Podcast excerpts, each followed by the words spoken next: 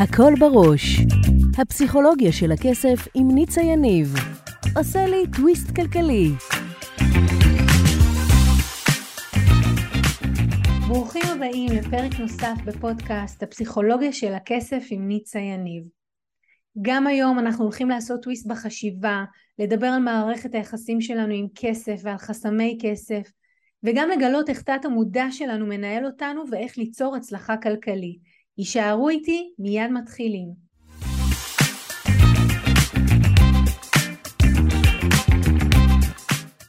הפינה שלנו, הפסיכולוגיה של הכסף אצל נשים, אנחנו הולכים לדבר על תודעת חובות. ואני כבר אגיד לכם מראש שלנשים באופן, אה, באופן שבו גידלו אותנו, יש יותר נטייה להרגיש חייבות. חייבות לעזור, חייבות לתמוך, חייבות לתת, חייבות לתרום. ואני הולכת לתת לכם עכשיו ארבעה סימנים שאם תהיו קשובות אליהן, אתן תוכלו בכל פעם לדעת שאתן נכנסות דרך תת המודע שלכם לחוויה או לתחושה שאתן בחוב, ולאורך זמן, אם תמשיכו לייצר את החוויה הרגשית הפנימית הזאת של אני חייבת, אתם תייצרו גם חובות כלכליים, חובות כספיים. אז אני ממש אמנה את זה לפי הסדר, ואני אתחיל בראשון. הראשון הוא צריך להיות שינוי ברמת השיח הפנימי שלנו כנשים ולהפסיק לומר את המילה אני חייבת. חייבת להכין לילדים לאכול, חייבת לאסוף אותם מהחוג, חייבת להביא אותם מבית ספר. כן, צריך, אבל חייבת? תכף נדבר, אני אדבר בפינה של הילדים יותר על מתי באמת חייבים, אבל לא, לא חייבים, צריך וזה חשוב. עכשיו, לפעמים גם חייבים, וזה בסדר שחייבים, אבל לא יכול להיות שהשיח הפנימי, היומי, או גם כלפי חוץ, כן, שנגיד לבעל, מה, אבל אתה חייב להביא אותה לפני שיחשיך. שלא יהיה מצב שזה השיח הפנימי שלנו, כי הילדים שומעים אותנו, אנחנו, תת המודע שלנו שומע אותנו, וככה אנחנו מייצרים תודעת חובות. שתיים, זה הנושא של להפסיק להשתמש בלא נעים לי. תראו, אנחנו כנשים מרגישות יותר שהמשפחה עלינו במובן שאנחנו מלכדות את המשפחה. אני מדברת איתכם על משפטים בסיסיים שאני שומעת מחברות, מקולגות. אני חייבת לארח את המשפחה. אם אני לא אארח אותם בשבת, מי יארח אותם? הם לא מארחים. אם אני לא אארח, מי יארח?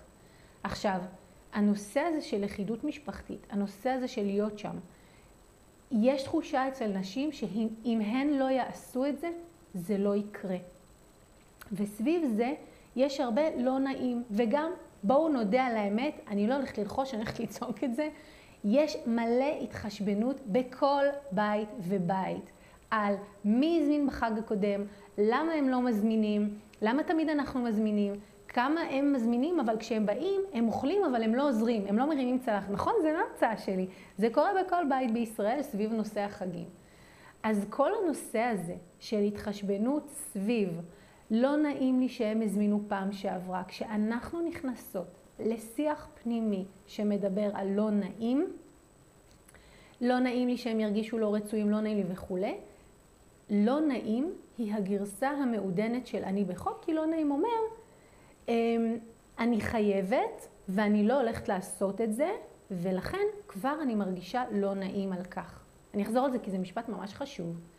אם לא נעים לי לא להזמין את המשפחה לחג, זה אומר שאני מרגישה שאני חייבת להזמין את המשפחה לחג, אני לא ממש רוצה להזמין אותה, או לא יכולה, לא משנה, אבל לא נעים לי, אז בסוף אני אזמין.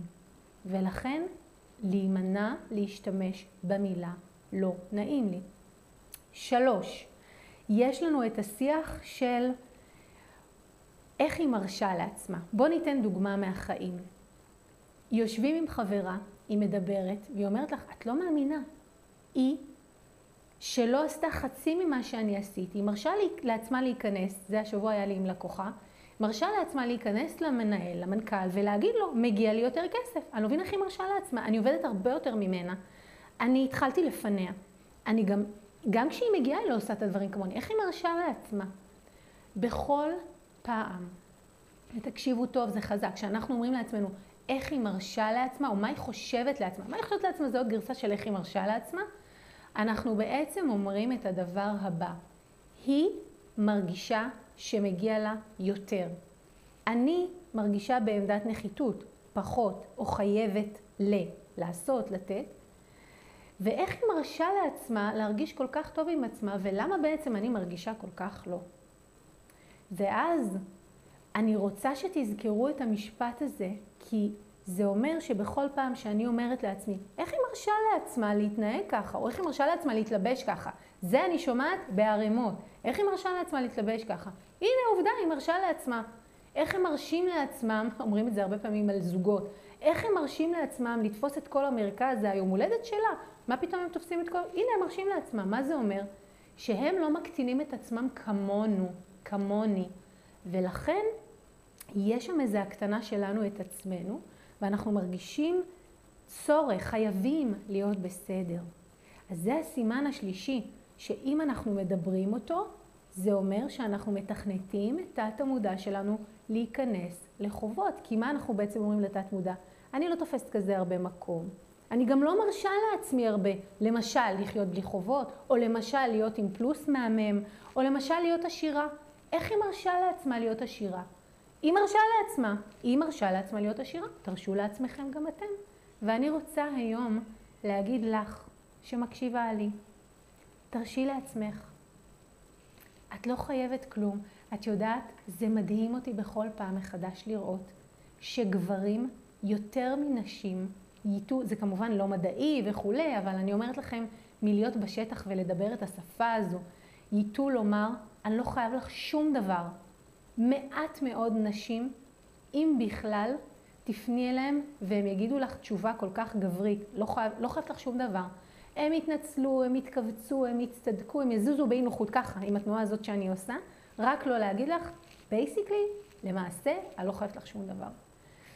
אז שלושת הסימנים האלה, לא נעים לי, להפסיק להשתמש בביטוי אני חייבת, ובכל פעם שאנחנו שופטים מישהי או מישהו, או מי שהם אחרים ואומרים איך הם מרשים לעצמם, מה אנחנו צריכים להגיד לעצמנו? אני גם מרשה לעצמי. מגיע לי. מגיע לי יותר. זה בסדר שיש לי יותר. ואני לא חייבת כלום לאף אחד. אני פשוט חיה את חיי, עושה כמיטב יכולתי לעשות טוב בעולם הזה, והשאר כבר מסתדר מעצמו. וממש מילה לסיום, אף אחד לא חייב להזמין אף אחד לחג רק כי הוא חייב. אם בא לכם, מעולה. ויש גם פתרונות ביניים. לא, אני לא נכנסת לפתרונות הפרקטיים, תמיד אפשר שאוקיי, אתם תערכו, אבל המוזמנים יביאו משהו לאכול ולא הכל ייפול עליכם. שחררו את עצמכם מהקורבן המעונה, שאני מכינה הכל החג וימים לפני, ואני מגיעה עם הלשון בחוץ וקורסת. לא חייבים. האמת, זה מיותר, באמת. אוקיי? בואו נהיה טובות עם עצמנו, בואו ניתן לנו מה שמגיע לנו, ובואו נהנה ונחיה בשפע. אין סיבה לחיות בתודעת חובות, כי אחר כך זה מתורגם לחשבון הבנק.